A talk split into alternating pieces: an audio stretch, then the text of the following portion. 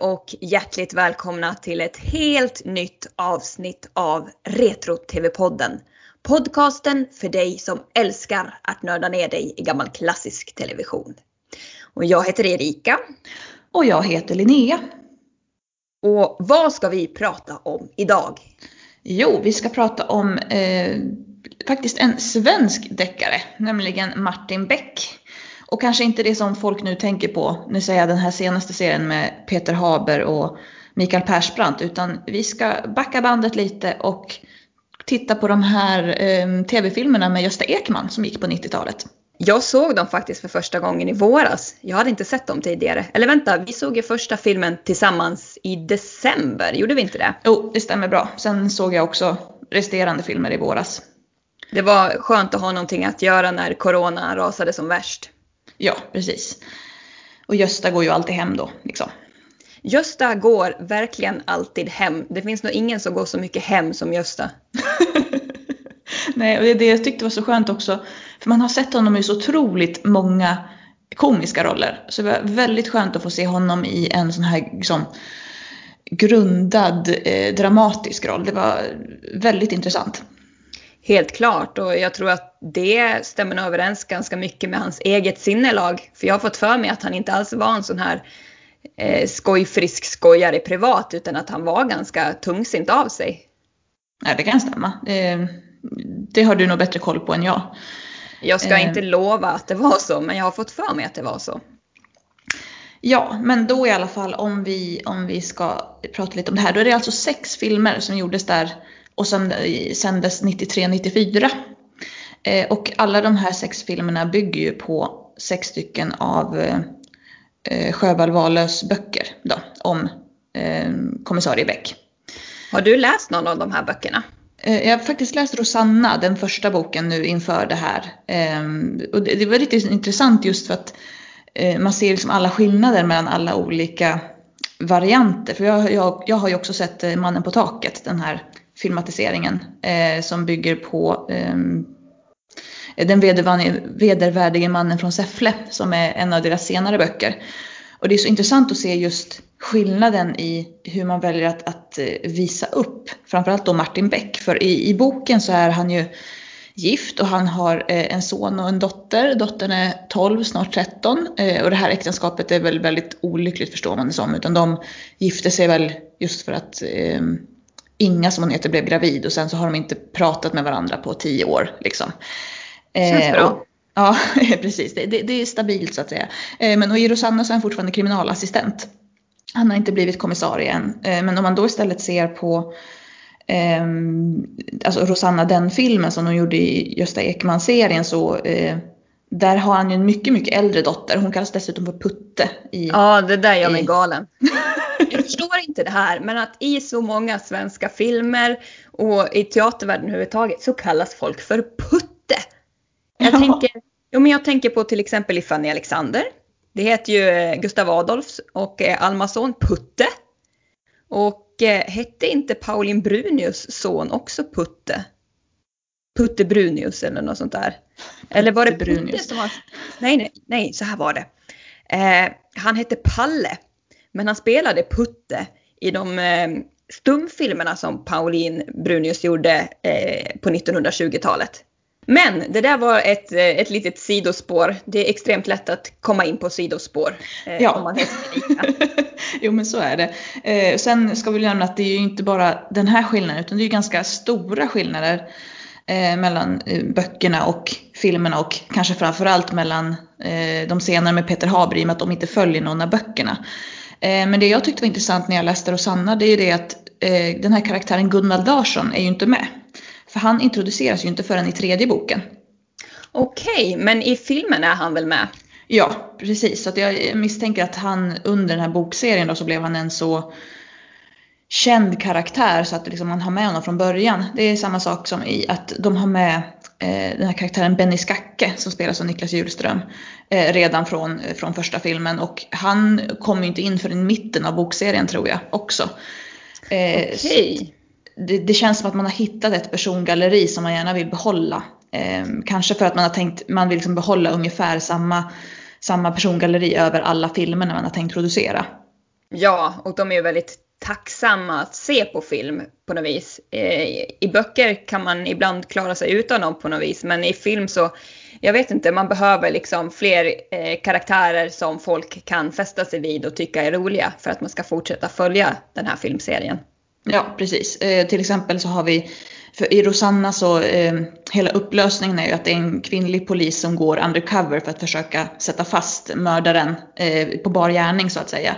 Och i, i eh, eh, Gösta Ekman-filmatiseringen så är det ju en polis, Åsa Torell, som är med, liksom, är med i, i eh, utredningsgruppen som mm. är, erbjuder sig frivilligt att vara den och i boken så är de ju tvungna att leta reda på en kvinnlig polis på en annan avdelning och då dyker hon Sonja Hansson upp då i boken. Okay. Eh, att, och, och, det är ju en klart mycket bättre eh, manusändring till en film. Att det är en, en kvinnlig karaktär som har varit med genom hela filmen som vi liksom tittare har lärt känna. Ja, man får ju en relation till henne. Ja, precis. Och då blir det liksom lite mer som står på spel när, när det då det här undercover-uppdraget börjar liksom barka åt helvete eller hur man ska säga. Mm. Precis. Men innan vi går in på alla filmer och sånt där kanske vi ska, ska vi liksom kort berätta vad varje film heter och sen faktiskt berätta vilka skådespelare vi har. Ja, det kan vi göra. Ehm, då har vi den första filmen som gavs ut, eh, faktiskt en mycket, mycket senare bok i serien. Det är Brandbilen som försvann. Mm. Ehm, sen, och sen kommer då Rosanna som egentligen är den första boken, första berättelsen. Ehm, det är för övrigt också Daniel Alfredssons regidebut. Daniel eh, Alfredsson då som är son till, son till Hasse, Hasse Alfredsson. Ja, Den gamla Hasse. Precis. Eh, och sen har vi Polis, polis, potatismos. Mm. Eh, mannen på balkongen. Eh, mm. Polismördaren och Stockholm Marathon. Och vilka har vi i huvudrollerna? Gud, det känns som jag sitter och intervjuar dig för du får svara på allting och jag bara frågar. Ja, men vi har som sagt, vi har ju pratat om Gösta Ekman då i rollen som Martin Beck. The Grand Gösta. Ja, precis. Och sen har vi eh, Rolf Lassgård som Gurvald Larsson. Eh, Kjell Bergqvist som Lennart Kollberg. Och som jag nämnt innan Niklas Hjulström som Benny Skacke. Och sen några av de andra större birollerna är då Ingmarie Karlsson som eh, Lennart Kollbergs fru Gun och Tova Magnusson Norling som spelar Putte Bäck. Putte Bäck. Ja. ja, och jag tycker, eh, alltså jag tycker alla gör bra ifrån sig skådespelarmässigt i den här filmen. Det är ju också väldigt skickliga skådespelare.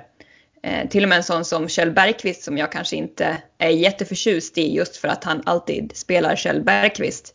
Eh, tycker jag kommer till sin rätt här. Men det är också liksom ganska tidigt i hans karriär.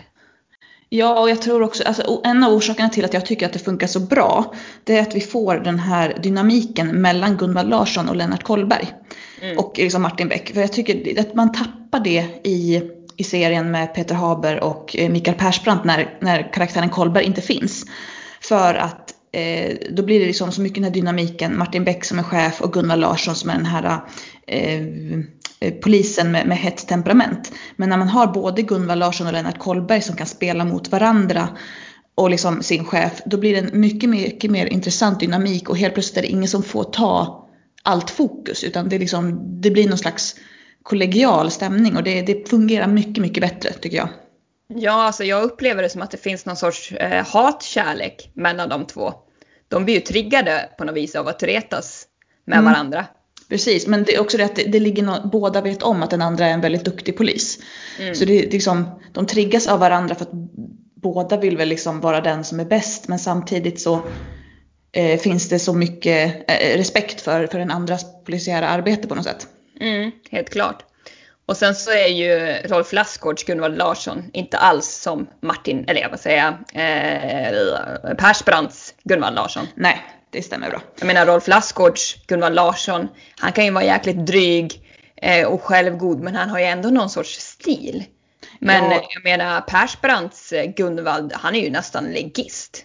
Ja, men det är väl lite det som är grejen också för att som jag alltid upplevt så här, Haber-serien, den är ju mycket, mycket mer spektakulär och det är som eh, ungefär den vägen som i princip alla deckarserier har gått under 90 och framförallt 2000-talet. Det här att folk åker iväg för att intervjua vittnen ensamma utan att berätta för sina kollegor och folk åker iväg, alltså, det, är så här, det är så osannolikt för det är ingen polis som skulle ha gjort så men det blir mycket bättre TV.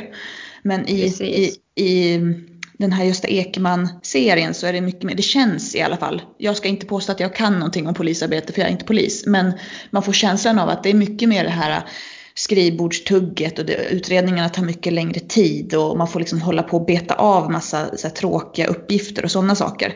Eh, och Rolf Lassgårds Gunvald är ju en sån karaktär som faktiskt sitter en hel del bakom skrivbord. Ja, eh, och eh, det jag också tycker, alltså de här 90-talsfilmerna, det är verkligen den här vardagsrealismen. Det känns som man befinner sig i Säffle en liksom grå, regnig vardag i februari. Mm, Medan ja, de här nya filmerna är väldigt, jag vet inte, det känns lite som man försöker leka typ mördare okänd eller något sånt där. För man har ju inte bara liksom plockat eh, tempo och sådana saker utan även interiörer. För kollar man på 90-talsfilmerna så är kontoren, de är liksom ljusa, det är så standard svenskt kontor.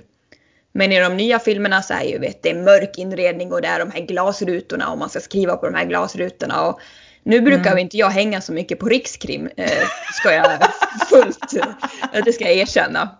Men jag tror ju liksom inte att det är sådär spektakulärt inne på Rikskrim. Jag tror inte att det är mörkt. Jag tror inte att de har glas precis överallt. Jag tror blått, att det är blått kallt ljus överallt. Ja men precis. Vem vill arbeta i, i den miljön? Jag tror även poliser och utredare och sånt där eh, har behov av en behaglig arbetsmiljö. Det var det om Gunvar Larsson och Lennart Kollberg. Eller Lennart Kollberg har vi inte pratat så mycket om. Det är ju en karaktär som är med i böckerna eh, och som är liksom Becks närmsta man. Eh, och jag tycker ju framförallt att just Kjell Bergqvist och Gösta Ekman spelar den här dynamiken väldigt, väldigt bra. Eh, Martin Beck blir ju hembjuden till eh, Kollberg och hans fru på middag och lite sådana saker i, i Gösta Ekman-serien. Eh, man får framförallt känsla, mycket mer känslan av att det här är riktiga personer på något ja. sätt.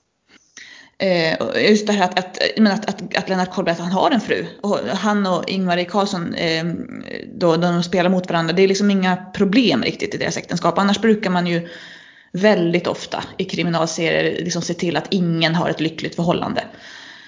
Nej, de kommer ju alltid hem och öppnar whiskyflaskan och har ångest. Mm. Jo, men även de som har ett förhållande eh, har ju liksom bara bråk hemma i princip. Ja, men det är klart man vill ha lite drama och action.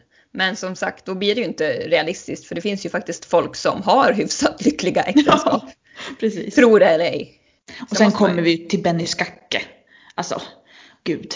Åh oh, vad jag irriterar mig på den karaktären. Eh, och jag vet inte, nu har inte jag läst böckerna så pass långt att han har blivit introducerad. Eh, utan jag har ju bara egentligen Niklas Hjulströms karaktär framför mig. Men en så inkompetent människa borde ju aldrig få stanna kvar på, på liksom, i polisväsendet särskilt länge. Nej, eh, men han är en, eh, en ung ambitiös polis. Som är väldigt mån av att eh, göra rätt för sig, att visa att han kan. Och han vill ju verkligen visa sig på styva linan. Men han är ju inte speciell, han har ju liksom ingen riktig insikt och gör ju mer bort sig och skälper mer än vad han hjälper. Och han ja, har ju det här obehagliga liksom att jag vill framåt, jag vill framåt. Ja, det jag tänker till exempel på, nu hoppar vi för till Stockholm Marathon, där han har han har tydligen tränat hela året för att han ska vara med i Stockholm Marathon och så visar det sig då att eh, det, det, är ett hot mot en, en deltagare i, i den här tävlingen och de, han, att han kommer bli skjuten någon gång under de här 42 kilometerna. Och så vill de då att Skacke ska hjälpa till och vara, liksom, hålla sig i närheten av personen för att kunna ingripa. Och så i, i slutändan så, så struntar han i det ändå för han ska fullfölja sitt lopp. Och det gjorde mig så fruktansvärt irriterad. Liksom för att han på något sätt, han bryter mot alla liksom, ja. Det gör mig jätteirriterad. Och han, han orsakar väl också, är det Gunvald eller Kolberg som blir skjuten i en av filmerna? För att Skacke avslöjar, jag tror att det är brandbilen som försvann, att om det ska komma någon, någon eh, sån här tysk om det är någon maffiaboss eller sånt som ska landa på Arlanda eh, och de vet om att han ska landa där så att de har gjort någon sån undercover grej. De ska liksom försöka liksom gripa honom obemärkt. Och Skacke avslöjar hela operationen så det är ju någon av de här andra som blir skjuten. Ja, ja. Och jag tror Nej. att det är Kolberg för jag för mig att det finns en scen där Ingmarie Karlsson, eller ja Gun då, hans fru, eh, oroligt väntar på att få besked om hur, hur det har gått liksom. Och så får hon besked att han har dött och så kastar hon sig ner på golvet och gråter hjärtskärande. Nej, men i, ja. i min, i min eh, hade jag skrivit den här ja. hade det varit så. Tänkte precis säga det, om, om Erika hade skrivit manus hade det varit så. Men ja. det här. Eh, ja, nej men ska vi, ska vi ta de här filmerna i ordning och prata Ja, om dem? Vi har ju pratat lite om brandbilen som försvann här, men Mm. vi kan väl gå in på dem lite närmare. Ja, absolut. Vi kan Eh, väl säga att varje film introduceras ju av någonting som du tycker väldigt mycket om. Ja, det, det, det här att eh, all musik eh, är gjord av Stefan Nilsson.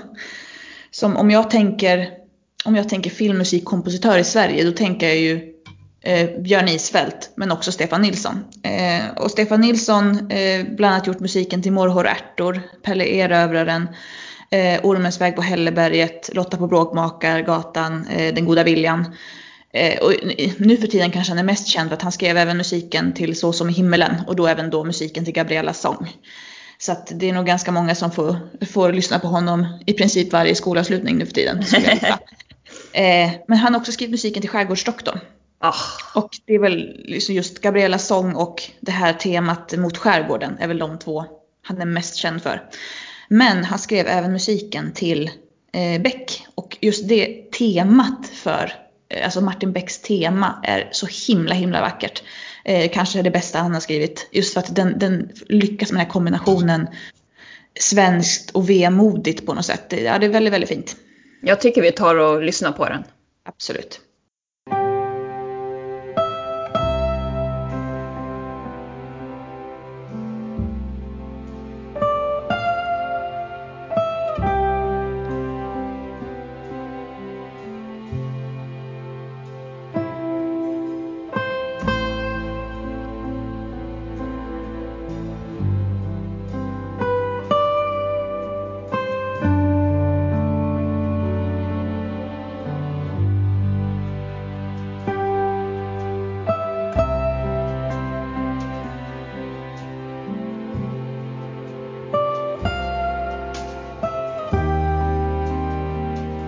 Ja men det är verkligen vemodigt. Men jag tycker allting på något vis över de här Beck-filmerna är lite vemodigt. Gösta Ekman har ett litet sånt här dystert och vemodigt minspel. Hans beiga rock är väldigt Mm. vemodig. Alltså det, det är någonting vemodigt över allting och det är någonting, ah, jag vet inte, jag blir väldigt nostalgisk både när jag hör och ser det här. Ja, och det, och det hjälper ju till också det här att, ehm, att, att som sagt, de, de stannar ju inte kvar i Stockholm utan de åker ju iväg till Motala och till de här andra liksom, eh, städerna i Sverige där det, där det sker mord.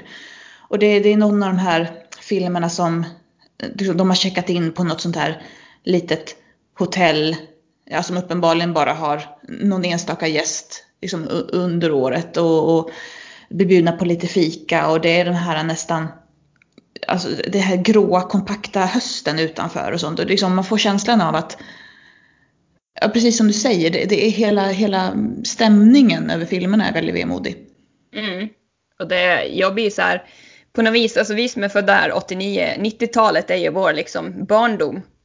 Mm. Och man blir, alltså jag blir väldigt så här bara, ho, ho, ho, längtar ju tillbaka dit på något vis. Och, Ja. och jag vet inte, ja, nej, jag blir liksom, jag blir väldigt sentimental när jag ser det här.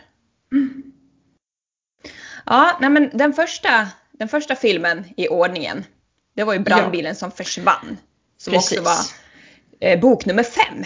Ja, precis. Eh, och eh, man gjorde ju så med den här serien att vissa filmer eh, sänder man eh, direkt i tv men tre av filmerna släpptes faktiskt på bio först. Och det här var... Ja, ja. Förlåt. Eh, ja, eh, SFs gamla tema som numera är ersatt av ett nytt tema. Skandal! Eh, ja, det är fruktansvärt. Vi ska inte prata mer om det. Men just Brandbilen som försvann hade premiär på bio. Vilket jag personligen inte förstår, för jag tycker det här är den klart sämsta av alla de här sex filmerna.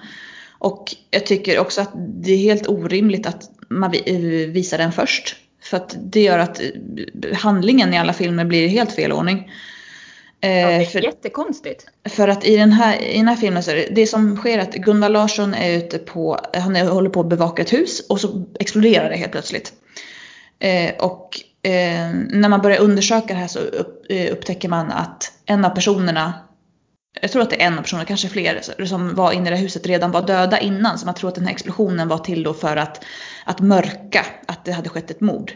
Och eh, det som sker är att under den här utredningens gång så liksom, kopplar man ihop det med, eh, eh med en tysk konstnär och det är droghandel och liksom, eh, fram och tillbaka. Men det som är grejen just, just är att Gunnar Larsson har ju redan liksom, börjat på rikskrim i den här. Medan i Rosanna som är nästa film så är han fortfarande lokalpolis i Motala. Ja, så om man ser filmerna i den ordning som de släpptes så, så stämmer ingenting. För att från att då Gunvald Larsson har varit en nära kollega så blir han plötsligt en person som de aldrig har träffat. Så att det, det finns ingen logik i att man väljer eh, att, att visa den här filmen först, eller att ha den först i serien. Man blir ju nästan så här och funderar, har det blivit något fel liksom, i klippningen eller något sånt där av Rosanna? Och de känner att vi måste snabbt ut med en film här, vi tar brandbilen som försvann. Ja, eller, eller, att bara att man tänker att den börjar med en explosion, det är bra biomaterial. Ja, det är så märkligt, så märkligt. Jag kan ju helt ärligt säga att jag minns i stort sett ingenting från brandbilen som försvann. Jag min, det enda jag minns är när Gösta Ekman kollar på en brandbil som ligger i en eldstad. Det är det enda jag minns. Mm. Jag, jag, minns att jag tyckte att den var, att jag blev väldigt besviken, att jag tyckte att den var rätt dålig. Ehm, helt enkelt. ja, det ehm. skriver jag under på. Men sen, sen. så kommer Rosanna. Precis, eh, som bygger på första boken, eh, Rosanna. Och det är alltså en, en, en kvinna som hittas död i Göta kanal eh, och ingen kan identifiera henne. Eh, och sen inser man ju att hon måste ha blivit slängd från en av de här kanalbåtarna som går eh, över Göta kanal. Och lyckas till slut eh, komma fram till att det är en amerikansk bibliotekarie. Och så ska man då försöka försöka rekonstruera det här och hitta mördaren helt enkelt.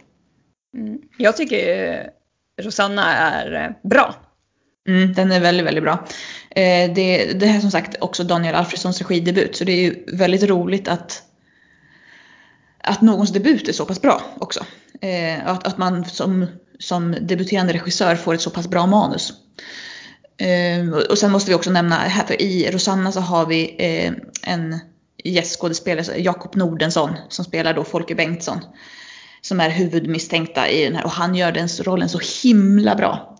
Eh, för jag tänker, när jag tänker Jakob Nordensson så tänker jag ju bara på eh, Jane i Pistvakt. Ja. Liksom, han, är ju, han är en extremt underskattad skådespelare.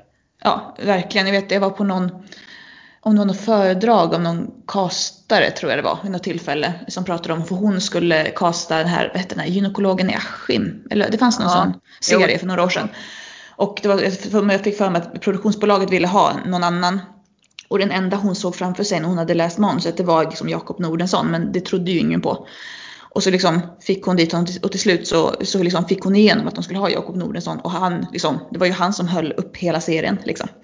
Ja han spelar en annan stark roll. Och jag minns inte, jo, stark och stark, det kanske är att ta i, men han spelar, eh, han är med i Skärgårdsdoktorn. Han mm. har en eh, returning eller sån här, alltså han är med. Eh, Återkommande. Ja, tack så mycket. Eh, och då spelar han, eh, ja, han jobbar ombord på den här färjan som kör folk från eh, Saltö till fastlandet. Och han, han har någon sorts diagnos eller någonting, han har inte så lätt för sig. Och eh, vid ett tillfälle så får kaptenen på färjan en eh, hjärtattack och han får fullständig panik och vet inte vad han ska göra. Eh, och nej, jag tycker det är väldigt, eh, det är en bra skådespelarinsats av honom där. Mm. Ja, alltså han är ju bra i allt han gör. Så det är precis som du säger, väldigt underskattad skådespelare. Jag tycker vi har många här som på något vis är underskattade. Gösta Ekman, nej jag ska. Eh, Nej, men jag tänkte också på alltså Gun Kollberg. Eh, ja, Ingmarie Karlsson. Ja, precis. Ingmarie Karlsson. Hon, alltså, hon har ju varit med hur mycket som helst och hon är alltid bra. Ja. Men eh, hon är ju, jag vet inte om man, hon är liksom, hon är ju inte betraktad som någon skådespelarelit tror jag. Nej, jag tror att det är för att hon spelar mycket sådana biroller också. Eh, mm. och, och, det blir ju så en, en nisch, att man är jävligt duktig på det man gör men man har ingen, ingen stor dramatisk huvudroll och då blir man förbisedd liksom. Man kan liksom ja. stoppa in henne var som helst och hon levererar alltid bra. Ja, det är sant. Ett säkert kort. Ja, man vet vad man får. Mm, precis. Eh, men i alla fall, den här eh, utredningen tycker jag är ganska intressant. För det känns som att, eh, ja, för det första får man ju följa den ganska noggrant och sen så är det lite det här, ett pussel som de lägger. Mm, verkligen. Eh, och den, i och med att jag precis har läst boken också, i, i boken så tar det ju flera månader för dem att ens komma fram till liksom ett, ett, liksom ett första, en första pusselbit i, i eh, den här utredningen. Det går ju betydligt fortare i, i, i filmen då, men det är fortfarande just det här att det, det tar ganska lång tid. Till skillnad då från, återigen om jag jämförelse med Haber-filmerna där saker går ganska rappt. Eh, liksom, det känns som att där flyter det på hela tiden. I, i Rosanna så det är nog ganska hårt arbete för att hitta den här första pusselbiten och sen gå vidare till nästa. Mm. Precis, och jag kan tänka mig verkligen i, i boken att det är att det här arbetet upplevs ännu hårdare. För, för, för i filmen kan jag ibland uppleva det att okej, okay, nu man hittar ledtråden och då bara prrt, faller allting jätte, jättesnabbt på plats. Mm. Det går liksom, jag var så här, okej, okay, nu har man hittat den första misstänkte, men så här kan det väl inte vara, det kan väl inte liksom gå så här snabbt och klara upp det. Men eh, det gjorde det. Ja, nej men så, så är det i boken också att eh, man har liksom ingen misstänkt i princip. Eller man har en misstänkt ganska tidigt. Det är en person som jobbar eh, som eldare på båten. Honom lyckas de avskriva rätt fort och sen beskrivs det då i boken hur man helt plötsligt inte har några spår längre. För det var liksom mm. den enda, enda liksom hoppet man hade på något sätt. Och just det, och sen börjar man genom fotografier som andra passagerare har tagit på den här båten så börjar man koppla ihop Rosanna med en, en mansgestalt. Eh, och så försöker man ta reda på vem det är då och det visar sig vara mördaren. Mm. Ja men det är snyggt gjort ändå. Ja det är väldigt, väldigt fint. Eh, det här är liksom, oj, förlåt, fortsätt du. Ja nej nej, det jag tänkte säga att det, det på något sätt visar eh, just det här, det som jag gillar också, det här realismen vi har pratat om, att det är det där hårda arbetet och att liksom, man kanske får sitta och gå igenom flera hundra eller tusen bilder för att hitta den här enda bilden där man har någonting man kan använda. Och det ser man ju inte i, i nyare kriminalfilmer. Nej, det gör man inte. Så ja, Rosanna, bra film. Mm, den är bra. Eh, sen kommer vi till Polis, polis, potatismos. Ja. Eh, som handlar om att det är en känd industriman som mördas eh, på Hotell Savoy i Malmö. Eh, och det, från början så verkar det som att eller det finns ingen, ingen orsak till. Alltså han, det, man hittar inte var, varför han skulle bli mördad. Och eh, därför tillkallar då polisen i Malmö eh, Rikskrim och Martin Beck. Så börjar han nysta här och upptäcker att det är massa fuffens på gång i, i det här eh, familjeföretaget och så. Alltså det här polis, polis, potatismos, jag tycker att det här är liksom lite 90-talslyx. Man får se Hotell Savoy och man får se de här ganska förmögna människorna, hur de bor i de här villorna byggda på 80-talet som idag kanske inte upplevs jättestylish. Men som då var liksom häftiga med sina bord i marmor och sina glasdjur. Eh, du vet, mm. man kunde ha typ en sån här leopard i glas i vardagsrummet och, och sånt där. Det var ju liksom ja. sån här 80-90-tals lyx. Men som idag är hemskt. Men man får ju se mycket av, av det i den här filmen. Ja, så är det. Och vi har väldigt mycket eh, kända skådespelare i birollerna i den här filmen. Oh, ja. Eh, för att eh, redan den första öppningsscenen när man sitter på den här middagen på Hotell Savoy, så ja men va? Va? Va? För ja. till exempel, vi har, vi har Görel Krona, vi har Marie Rickardsson, Reine Brynolfsson, Anders Ekborg och sen i, i en biroll som Gunvald Larssons syster har vi Lena T Hansson. Så att det är liksom, det är kända namn överallt. Eh, och eh, ja, men jag tyckte den här filmen ändå var helt okej. Okay. Det var inte direkt den bästa, men det var inte den sämsta heller. Nej, och sen eh, just eh, om man inte har sett den, orsaken till att den heter Polis, polis, potatismos. Eh, det, det, har att göra med att man tror vid ett tillfälle att eh, att mördaren ska komma tillbaka på Arlanda eller gå på ett flyg på Arlanda. Eh, så de ska skicka två poliser ut till till Arlanda. Eh, eller om det är Bromma flygplats. Men de ska skicka två poliser till en flygplats för att liksom, eh, Eh, komma, liksom, hinna före och kunna gripa den här personen som man tror att det är. Man tror att mördaren ska vara ombord på det här flyget. Och då när de, eh, för de står väl och håller på, har väl precis avslutat sin lunch eller något. Och då är det ett barn som ropar polis, polis, potatismos. Och en av de här poliserna tror ju att barnet har skrikit polis, polis, potatisgris eller något. Och då ska, då ska de stanna det här barnet som är, vad är den, fyra år gammal, sitter på liksom en sån här cykel, cykelsits bakom sin pappa och så ska de så skälla ut pappan och barnet för att så det här får man ju inte göra mot polisen. Vilket då gör att de missar det här, eh, det här ankommande flyget. Ja, det var så frustrerande. Det var ja. det värsta jag sett. Men det leder till en sån fantastisk scen där de här två poliserna blir utskällda av Gunvald Larsson på hans kontor. Eh, ja, den är, det är värt att se filmen nästan bara för den scenen. För att hur, han, hur Rolf Lassgård bygger upp den här från att vara ganska lugn och sansad. Ja, det, det är väldigt, väldigt, väldigt bra. Ja, och så blir man ju bara skrämd över den inkompetens som verkar finnas i den poliskåren. Ja. Visste du att det finns en eh, sovjetisk version av Polis Polis? Potatis? Nej. Jo då. Det finns det från 1980. Mm -hmm. Nezakozhenji Ujin, något sånt där. Mm. Jag tror den är inspelad i någon, något, alltså i Estland eller Lettland eller något sånt där. Jag har sett, eh, jag tror jag såg hela men den var i väldigt dålig kvalitet och utan engelsk text. Så jag kan inte påstå att jag förstod så mycket. Men eh, om det var lite grått och realistiskt i den svenska, eller ja, i 90-talsversionen så är det ju extremt grått och realistiskt i den här sovjetiska versionen från 1980. Ja, jag kan tänka mig det. Sovjeterna tar ju alltid den här vardagsrealismen liksom så långt det går. Ja. och det har man verkligen gjort här. Visste du förresten att jag har bott på Hotell Savoy i Malmö? Nej. Jo, det har ja. jag gjort. Det var i samband med att vi spelade in det här Antikmagasinet, mm. eller vad det hette. Ja, hände det något spektakulärt på restaurangen då? Det var ingen som kom hoppa in genom ett fönster? Nej, det hände inget spektakulärt. Men jag satt där nere och eh, åt mat och mm. tyckte att det här var tjusigt. Och det såg faktiskt exakt likadant ut när jag var där 2013, 14 som eh, det gör i filmen. Så man har mm. inte ändrat eh, interiören utan den är ju lite så här. Jag kan inte riktigt säga när den har kommit till för den känns som att den har alltså, verkligen utvecklats genom årtiondena. För att det är ju det här, det är mörkt och det är liksom murrigt och lyxigt. Det skulle lika gärna kunna vara 1930 som 1980. Det är väldigt svårt mm, att sätta fingret på. Men tjusigt var det. Mm.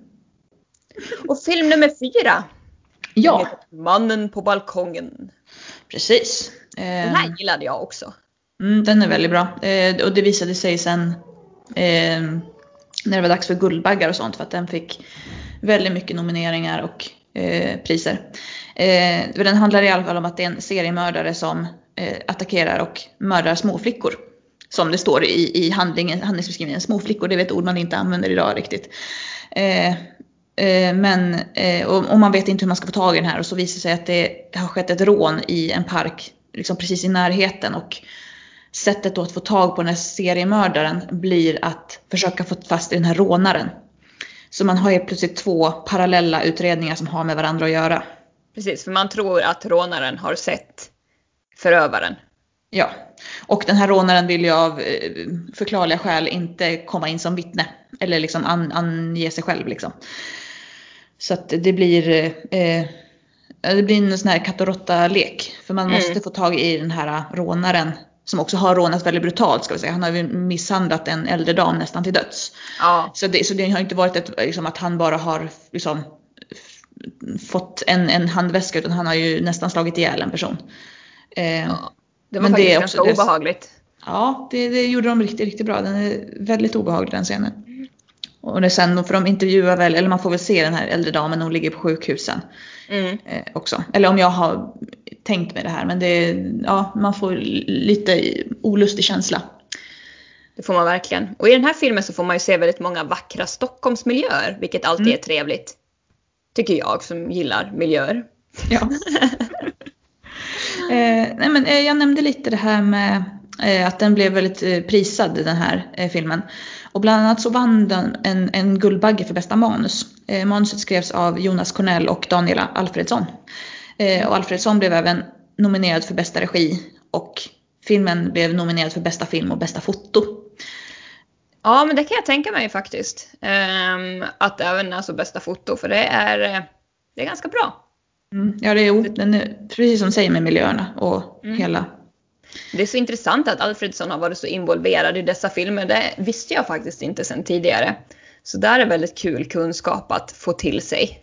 Mm. Bra att du har gjort en grundlig research Linnea. Du är alltid så här duktig på fakta. Jag bara sitter, det här var så bra, det här var bra. Jag är lite mer eh, känslostyrd. Ja men du har ju väldigt mycket anekdoter istället. Är vi måste ju komplettera varandra. Ja, ja, ja, precis. Eh, nej men och sen har jag läst också att det är väldigt många som anser att, eh, att just den här filmen att det är Gösta Ekmans bästa insats som kommissarie Beck. Eh, och det kan jag också hålla med om för att i den här filmen så får ju Beck verkligen våndas över att de inte lyckas sätta fast den här eh, barnamördaren. Ja, det verkligen. Det där plågar ju honom extremt. Och eh, vi har ju en, eh, jag tycker att det finns ju en gästskådespelare i den här filmen som vi måste nämna. Bara för att hon gick bort här i våras. Mm. Vet du vem jag tänker på? Eh, nej. Yvonne. Jag kan aldrig säga hennes namn. Charloski. Charloska, ja just det, hon spelar mamman till en av de här flickorna som, Ja. som försvinner och sen visar sig mördad. Eh, ja, det, det, det är lite kul för jag har ju bara sett henne som Bengtsson utöver den här filmen. Eh, Bengtsson Ah. i Rederiet ska vi väl eh, förtydliga. Eh, och spela säkerhetsvakten där. ja Eller säkerhetschefen till och med. Ja. Ja. det är hon noga med. Bengtsson Ja. skulle inte Ja. gilla att bli kallad vakt. Nej, jag, jag, jag, jag får be om ursäkt. För detta polis var väl Bengtsson till och med. ja, jag tror att, ja, jag tror att det är därför hon blir säkerhetschef. Mm. Eh, men hon Ja. spelar en helt annan roll här. Jag har ju sett henne också i, det finns någon serie, om den är från 80-talet som heter eh, Sempan, ja det handlar om, eh, om de som jobbade vid de stora fabrikerna i Sundbyberg på 60-talet och då spelar hon en, en, eh, en mamma som har diverse utomäktenskapliga förhållanden och de andra arbetarna kollar ju väldigt snett på henne. Sen film nummer fem. Ja. Polismördaren. Du, du, du, du. Mm. En kvinna mördas på ett öde nöjesfält. Hennes granne är en tidigare dömd mördare. Fallet verkar såklart, men Martin Beck och hans kollegor tycker att det verkar lite för enkelt. Ett skottdrama resulterade i att en polis dör. Martin Beck börjar ana ett samband. Ja, alltså den här filmen tycker jag är väldigt ojämn. Eh, ska jag, säga. Den, jag tycker den har en bra premiss men någonstans, den är så himla lång. Ja, någonstans där. på vägen. För det, har- det är ju då en, en, en ganska ung grabb och en, en tjej som eh, de drar iväg. Det, är väl att de stjäl den här bilen. För det, det, det öppnar då med att det är en, en kvinna som blir mördad på ett nöjesfält och de åkte dit i bil och den här grabben och eh, den här kvinnan som han mördade, de, de stjäl den här bilen. Eh, och då blir Ja. de efterlysta. Precis, det är väl en ung grabb som han, eh, han åker buss med sitt fotbollslag och så stannar de vid en mack. Eh, och där, eller om det är ett hockeylag, det gör detsamma. Och, och där går de ur macken för att gå på toaletten och köpa grejer och sånt där. Och sen när han kommer ut från macken då har bussen och laget dragit. Ja, det är så det är. Ja, och Då där träffar han ju den här tjejen. Ja, Och det. de beger sig tillsammans till nöjesfältet. Och medan de är på nöjesfältet och lever rövare så kommer ju den här kvinnan och hennes eh, älskare. Och de vänslas där inne i ett av rummen och sen så blir hon mördad. Och medan allt det här pågår så snor ju den här Mm. killen och tjejen eh, den här mördarens bil är det väl? Ja, ja Och precis. iväg. Och det är ju det som gör att de blir efterlysta för den där bilen var den enda, enda ledtråden som fanns. På Mm. något sätt. På, eh, och, sen, och, det, eh, och jag kommer inte ihåg varför. Det är för de blir stoppade av, av en sån här polispatrull vid något tillfälle. Jag kommer inte ihåg varför men det, eh, de här poliserna blir skjutna. Eh, båda två, de skjuter efter den här grabben. grabben. Jag tror den här kvinnan eh, blir skjuten och dör. Grabben lyckas fly. Jag ska säga, grabben, vi ska säga, han är väl typ 16-17 eh, för Ja. att förtydliga. Eh, De, alltså grejen är väl, de att, eller är väl den att alltså, den här grabben, han, eh, hans föräldrar är utomlands så de kommer inte hem på en vecka eller något sånt där. Så han ringer ju hem till sin bror och säger att ja, nej men eh, jag är, hänger hos några kompisar i några dagar. Eh, så han och den här tjejen de drar till en, en sommarstuga som ägs av någon annan. Så gör de inbrott där och så bor de där i några dagar. Och där så hittar den här tjejen också en pistol.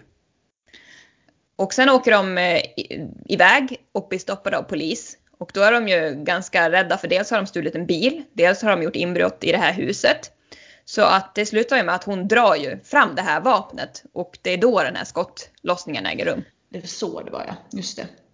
Eh, och det som är lite intressant är den här, för den, det är ju två poliser i polispatrullen. Det är den ena som är väldigt skjutglad och den som liksom drar först. Ja. Eh, och det, det är lite kul för den, eh, den rollen som den unga polisen som drar först och, och skjuter, eh, det spelas ju av eh, den här skådespelaren som nu kanske mest känns som Sebastian i ICA-reklamen. Eh, och det var lite kul när jag insåg det för jag har aldrig sett honom i någonting annat än ICA-reklamen innan heller. Eh, och det är också en helt annan roll. Gud, jag tänkte inte ens på att det var han. Nej, man, man, eh, det har ju gått så otroligt många år mellan eh, de filmerna. Men Sebastian, är det han med brunt hår och mustasch? Eller vem är Sebastian? Eh, Ja, han är väl lite grått hår nu va? Eh, han är Ah, med som den här lite finare, skulle jag säga metrosexuella. Ja, men då, då är det han jag tänker på Mm. i alla fall. eh, tyckte jag var väldigt roligt när jag insåg det. Eh, men sen i alla fall, och då, det, det som händer ju efter i filmen det är ju att det utgår larm om att, eh, för de här, den ena, jag tror att den ena polisen kanske till och med dör och den andra blir svårt Mm. skadad. Mm. Eh, och eh, då utgår, utgår det ut larm efter den här unga grabben. Eh, och det är väl egentligen bara kanske Martin Beck, Lennart Kollberg och eh, Gunnar Larsson som inte tror att den här grabben eh, är den här mördaren som han nu verkar vara. Eh, och de försöker ju, den här grabben flyr ju hem och Kollberg och Gunnar Larsson vill ju försöka få tag på honom innan liksom, de uniformerade poliserna får tag i honom. Mm. Men det är väl liksom två parallella handlingar på något vis som, som pågår här. Ja, för att det tar ju, det tar ju ett tag innan, eh, eller den här bilen är ju egentligen sökt mest som ledtråd i början. Och sen Mm. sker det här, eh, den här liksom polisskjutningen och då blir det en egen utredning för att under tiden försöker ju Martin Beck reda ut mordet på den här kvinnan på nöjesfältet. Mm. Eh, och det, det man tror ganska tidigt är att det är hennes granne som har eh, eh, mördat henne i och med att han tidigare dömd för mord. Så att det, det är en ganska lång hand, eller liksom bihandling där eh, Beck och om det är Kollberg eh, åker hem till den här grannen och det, eh, pressen står utanför och ska liksom intervjua både polisen och, och mördaren. Så de har ju bestämt sig för att det är han som är mördaren. Eh, så det är ganska många förhör då i den här mannens hus och så utanför och Beck åker och eh, liksom besöker den här kvinnans exman som bor i en husvagn. Eh, Mm. och så. så det är egentligen två parallella handlingar. Ganska länge tills de då liksom, eh, blir en handling i slutet. Jag, eh, jag minns att jag upplevde den här filmen som eh, lite rörig. Ja, det väl, och det är väl det som är orsaken till att jag har svårt att komma ihåg hela handlingen också. Just för att det sker så mycket saker på en och samma gång. Det är svårt att hålla isär. Precis, och jag tror att, jag menar jag minns mycket bättre den här handlingen kring den här unga killen och tjejen. Killen spelades av Johan Widerberg om jag inte Mm. har helt fel. Ehm, Stämmer det? Och den handlingen minns jag mycket tydligare än själva mordutredningen. Ja, eh, och det ska väl nämnas Johan Widerberg som då är son till Bo Widerberg som eh, regisserade Mannen på taket. Eh, den första stora, eller en av de första stora svenska eh, filmatiseringarna. Det finns ju en, en filmatisering av Rosanna från 67 med Keve Hjelm som Martin Beck också. TV, film, Nämna. Eh, och han blir, Johan Widerberg blir ju härmed också eh, kanske den första skådespelaren var med i två olika Beck-filmer för att han har ju en liten, liten roll som Lennart Kollbergs son i Mannen på taket. Eh, som alltså Sven Wolters son i Mannen på taket. Gud, alltså man skulle ju vara son till Bo Widerberg, det hade varit nice. Ja. Sen är ju Johan Widerberg väldigt duktig, han var ju verkligen Ja. en stor stjärna på, på 90-talet. Sen försvann han väl lite. Jag tror att jag såg han förresten eh, häromdagen, häromdagen, men eh, för några månader sedan i, i eh, Gun, eh, Leif GW Perssons om den här Bäckström, som, där Jaha. Bäckström spelas av Kjell Bergqvist. Där spelar han skurken.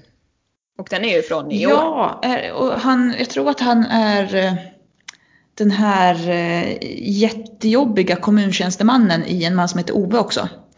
Som ska ställa till det för, för Oves eh, granne och före detta bästa vän. Så där finns det några fina scener mellan då Johan Widerberg och Rolf Lassgård. Eh, där de står och eh, argumenterar mot varandra. Det tänker jag mig är fin liksom. För att i den här filmen så är ju, är ju Lassgård liksom hans beskyddare på något sätt. Så det, det är lite kul när två skådespelare möts mycket, mycket senare, en helt annan dynamik. Mm, ja men det är det verkligen. Ibland blir det konstigt, speciellt om de har spelat länge mot varandra i långkörare på TV. Då Mm. bara, men vad är det här? Men eh, så här är det ju bara liksom väldigt kul att se. och annars så har vi, eh, just det, vi har eh, en liten, liten roll som polis spelar Mikael Persbrandt även i den här filmen. Så det här är väl första Mikael Persbrandts premiär i Beck kan man väl säga också. Ja. Inte i den rollen han blev känd för men Men det man ska säga om den här filmen också det är ju det att det är det är det här, för de har spelat in den i Grythyttan. Mm. För det där, och det är tillbaka i det här gråa vardagsrealismen när de intervjuar han grannen, eller i förhör grannen ute i hans hus. Alltså det, det känns ju som ett kök ute i en sån liten bruksort. Ja eh, men det gör det. Det är verkligen inte så polerat utan det är the real deal. Mm, med trasmattor och hela, liksom, hela stuket. Vi ska väl nämna, i, i rolllistan för den här så har vi också Johan Håsson Källgren och Petra Nilsen. Vem spelar Petra Nilsen? Hon är väl sekreterare till sekreterare till killen som äger nöjesfältet eller något sånt där. Aha. Som har älskarinna också till. Alltså att, för att han, jag tror att... Ja. För de är väl där, det är, hon, det är de som kan säga, för det är väl hon och hennes chef då som kan berätta att det var en ung grabb och en tjej där på nöjesfältet. För de var ju också där och vänslade samtidigt och såg då när bilen åkte iväg. Okej. Okay. Ja det där minns jag inte. Ja, så nej. kan det nog vara. Eh, och det är därför, och det är så de har liksom varandras alibi också hela grejen. Men det... Ah. Okej. Okay. Sista filmen i serien. Sista filmen, som jag är min favoritfilm av de här. Eh, det är Stockholm Marathon. Ja. Eh, den, den tycker jag var löjlig. den bygger på sista boken i serien som heter Terroristerna. Jaha, den heter Terroristerna den? Ja. Okej, okay, ja men det låter som en mer Sjövall Valö-titel ja, än Stockholm Marathon. Precis. Får man eh. döpa någonting till Stockholm Marathon liksom? Jag tänker, är inte det, Stockholm Marathon måste ju vara privat. Liksom. Eh, ja, eh, jag gissar att det där löste de innan filmen eh, släpptes. Kanske, kanske var sponsrat av Stockholm Marathon. Så kan det säkert vara. Eh, det vore ju inte helt otroligt faktiskt. Nej, å andra sidan eh. var ju SVT medproducent men ja, man kanske gick runt det där. Man befann sig lite i gråzonen sådär och ingen ja, sa Ja, precis. Um, man kan tänka också att Stockholm Marathon, alltså att det, det kanske inte var lika mycket varumärkespräglat då som alla maraton och sånt är nu utan det var liksom ett, ett maraton som vilket maraton som helst. Men i alla fall handlingen i den här filmen det är ju det att det är en, en kvinna som dör eller hon begår självmord, hur man nu ska säga det. Hon går ut på ett, eh, på ett tak på ett, eh, ett vad heter det? Växthus eller Växthus heter det, precis. Eller? Och ramlar såklart rakt igenom och dör. Eh, visar sig att eh, hon har varit djupt deprimerad i, i liksom flera, flera år eh, på grund av en, en händelse som skedde då tio år tidigare. Och hennes man bestämmer sig för att, att hålla de personerna som utsatte henne, för jag tror hon har blivit utsatt för våldtäkt eller något mm. sånt va? Jo men det, och, det, det hintas om det ja, det, jag tror aldrig man säger rakt ut exakt vad som hände henne, men om hon blev torterad eller vad som hände. Men det var ett, några män som utsatte henne för någonting för tio år sedan och hennes enkling som det blir då, han bestämmer sig för att hämnas och då mörda de här personerna han anser sig, eh, som han anser var orsakat det här. Eh, och en av de här personerna har då blivit en jättestor popartist som kallas för Ypsilon. Och ja. den här artisten ska då springa Stockholm Marathon och då liksom inser då eh, Beck och dem att det här mordet kommer ju ske någonstans under Stockholm Marathon. Under de här 42 kilometerna. Mm. Ja, alltså, ursäkta mig, men den här Ypsilon, det är väl den fånigaste karaktär jag någonsin har stött på i hela mitt liv. Ja, det är det. Eh, det är väldigt, väldigt töntigt. Eh, sen, tycker, sen gillar jag hela premissen, just det här med att man vet att någon, någonstans på 42 kilometer kommer det ske ett brott, men man vet inte vart det är, jag, jag, tycker att det ger sån nerv till handlingen. Jag tycker det är jätte, jättespännande tycker jag. Mm. Ja, jag gillade ju inte den här alls. Nej. Eh, jag tyckte att den var, jag tyckte den var löjlig. Jag tyckte okej, okay, den börjar ganska bra med den här liksom frun som nästan liksom sömngår ut på taket och faller igenom. Det tyckte jag var häftigt. Men sen när man började blanda in den där jäkla Ypsilon som är ett skämt i karaktär. nej, då, då liksom, nej, då föll det för mig. Mm. Och jag tyckte eh, också att det var ganska tarvlig liksom. Eh, de, här tre, alltså, de har tre poliser som ska liksom få fast den här personen på något vis. Och själva polischefen han sitter på hedersläktaren och inte involverad. Och nej, nej, det, nej. Nej, och sen, också, sen som sagt har vi hela bihandlingen med Skacke som håller på att träna till Stockholm Marathon. Och som blir beordrad att han ska hålla samma tempo som den här Ypsilon. Och så han, springer han och är skitsur hela tiden för att Ypsilon springer mycket långsammare än vad han har gjort. Så han har ju han har ingen chans att sätta pers. Och sen i slutändan då när, när Gunvald och de andra har kommit fram till vart den här mördaren ligger någonstans så springer Gunvald in i liksom, och, så ska, och skriker åt Skacke att du måste göra si och så. Mm. Och Skacke bryr sig inte och bara fortsätter springa. Och, ja men precis. Och, liksom, och där tappade jag mina sista sympatier för Benny Skacke kan jag säga. Ja, jag tyckte, jag håller med för jag tyckte liksom lite halvsynd om honom i början. Bara så här, han är ung, han är oerfaren men han vill verkligen liksom lyckas i det här yrket. Men jag menar, ju mer man ser av honom desto mer osympatisk blir mm. han. Och han blir liksom bara, okej okay, han är liksom beredd att göra vad som helst för sin egen vinning. Han ja. tänker liksom bara på sig själv. Ja, precis. Um, och det finns då en scen då när de inser eh, vart mördaren ligger. För mördaren har väl lagt sig inne i en, i en lastbil liksom, och sågat hål på något sätt och ska skjuta med, med något slags gevär. Eh, mm. Och det finns en scen då där om de, Martin Beck och de inser det och de kör i full kareta rakt genom Gamla stan. Ja, och, det, det, och det tyckte jag var väldigt, väldigt spännande. Man ser hur de åker så här, över kullersten och allting och man tänker bara jävlar. Och man vet ju själv hur, nu ska inte jag svära i podden i och för sig. och man vet ju hur, liksom, själv när man gått i Gamla stan hur smalt det är. Och hur liksom hur mycket kullersten det är och hur, hur svårt det måste vara att svänga där, alltså här, bara att få plats mm. med en bil. Och tänk dig då komma körandes där i full fart. Är det Gamla stan eller är det Söder? Eh, möjligt att det är Söder, jag tänker att man kan inte filma i Gamla stan. Men eh, ja i och för sig, Stockholm Marathon, det är klart att det måste vara Söder. Ja men jag tänker det på den sidan ja. de är. Ja, eh. jo, det så måste det vara. Men i, i min hjärna så var det Gamla stan och då blev det mycket, mycket värre när jag såg filmen. Det, det, det gamla Stockholm helt enkelt. De åker i liksom de gamla söderdelarna så det är ju de här trånga gatorna som du pratar om och kullerstenar och sådär. Det är nästan som man vill börja sjunga Ack Söder, men det ska vi inte göra. eh, för det är i alla fall, och det här är då sista, eh, sista filmen i serien. Mm. Eh, Fanns det några tankar, vet du om det fanns några tankar på att fortsätta den här serien med just Ekman som Beck? Ja. Jag menar det är ju bara något, eh, 97 kommer väl första filmen ja, eh, liksom. Ja, för tanken var att de skulle fortsätta med Gösta Ekman. Eh, och sen drog eh, produktionen ut på tiden. Och det var vid det laget när de väl skulle börja filma det som jag tror första Peter Haber-filmen heter väl Lockpojken tror jag eller något sånt, då eh, hade Gösta Ekman inte lust längre för då tyckte han att det hade liksom dragit ut för långt på tiden och då ville han inte göra det längre. Det var ehm, synd. ja, det var synd. Samtidigt så tänker jag mig att i och med att alla Haber-filmer är ju liksom, ingen av dem bygger på böckerna. Utan de är ju liksom helt nya berättelser och helt nytt persongalleri.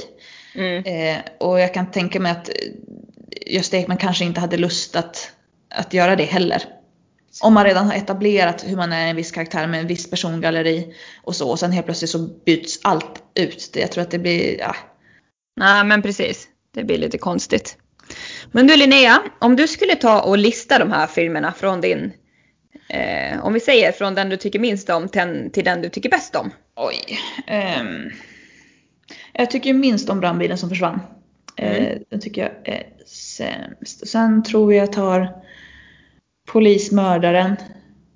Polis, polis, potatismos. Mannen på balkongen, Rosanna och så sätter jag Stockholm Marathon högst. Du sätter Stockholm Marathon högst. Okej. Okay. Ja. Intressant. Hur ser din lista ut då? Min lista ser ut på det här viset. Längst ner sätter jag också brandbilen som försvann. Sen så har jag polismördaren. Sen så har jag polis, polis, potatismos. Sen har jag mannen på, nej vänta, Stockholm Marathon ligger långt ner. Nu ska vi se. Brandbilen som försvann. Stockholm Marathon. Polismördaren. Man, äh, ja, i alla fall. Rosanna ligger högst upp. Stockholm mm. Marathon och brandbilen som försvann ligger längst ner.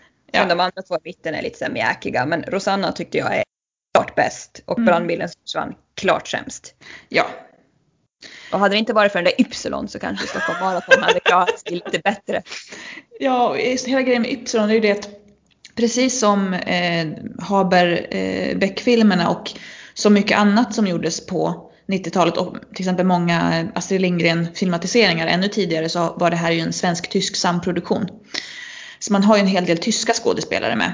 eh, som är dubbade till svenska. Eh, och i, i eh, Peter Habers Beck så har vi, det är ju den Josef Hillman som är en av Becks kollegor. Eh, och, och den, han är ju dubbat väldigt, väldigt bra så jag vet inte om den skådespelaren ändå pratar svenska med tysk brytning liksom på inspelningarna så att det, liksom, det inte blir så tydlig skillnad i dubbningen. Men i, i Gösta Ekmans Beck så syns det ju väldigt tydligt mm. att det är ett antal tyska skådespelare.